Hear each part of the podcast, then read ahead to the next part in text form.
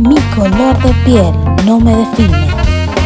Buenos días, bienvenidos a un nuevo segmento de Mi color de piel no me define, donde abordaremos temas interesantes para ustedes.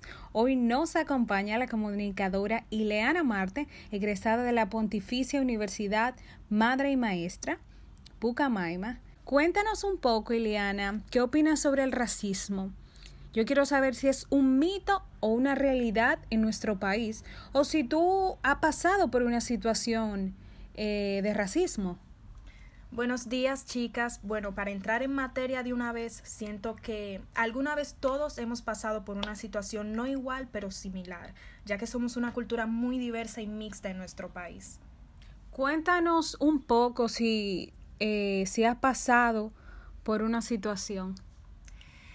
Eh, una situación que pueda describir como racismo en sí, no, porque siento que en este país principalmente existe cierto em, eh, degradación que es por el racismo depende del tono de piel, no es algo que está enteramente definido blanco y negro, sino que eh, recibes respeto y recibes admiración o trato dependiendo del, del, grado de color de tu piel. Tú sabes que algo que, que me pasa siempre, yo soy teñida de rubio, para los que no saben, señores, y a mí me dicen que si yo quiero cambiar eh, mis raíces, yo no soy blanca ni soy india, me podría decir que soy amarilla. Entonces la gente entiende que porque yo sea amarilla, y esté de rubia, ellos piensan que yo quiero ser blanca la mala, porque ser blanca en nuestro país, valga la redundancia, ser blanca, ojos claros y ser rubio. Entonces, cuentan un poquito si, si alguna vez te has sentido así, porque yo sí lo he sentido. Lo primero que tenemos que definir es cómo el dominicano identifica a una persona como blanca, por lo que dije anteriormente, dependiendo del tono de piel. Yo recuerdo muy bien cuando yo estaba en el colegio, yo soy una persona india, eh, con un cabello de persona india que... Un cabello crespo, podemos decir.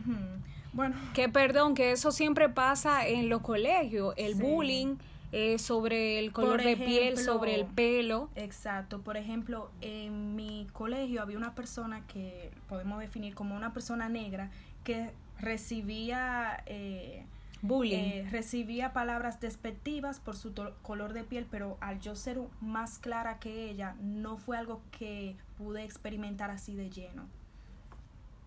O que no te pasaba en ese momento. Que no me pasaba así en ese momento. Y por ejemplo, en el trabajo, ¿no te ha pasado? En el trabajo. Tú sabes, eh, escúchame, que a veces por ser blanquita, por ser rubita, se abren muchas puertas en este país. Y ese es un tabú que nosotros tenemos que, que cambiar y darle oportunidad a nuevas personas en lo laboral. Se da mucho el tema del favoritismo por el tono de piel. Y eso del racismo no es un mito, sino que es algo histórico, es un fundamentalismo cultural que ya viene desde, desde que eh, se colonizó la isla y es algo que ha, que, ha quedado y ha perdurado en la historia, porque es lo, es lo que hemos aprendido de nuestros padres, nuestros padres de nuestros abuelos y así sucesivamente la ascendencia de nuestra familia es algo que está ahí en cada familia dominicana. Bueno, Iliana, un placer tenerte con nosotras en el podcast. Lamentablemente tenemos que terminar, pero para una próxima estás invitada. Gracias, el placer fue mío. Bye bye. Mi color de piel no me define.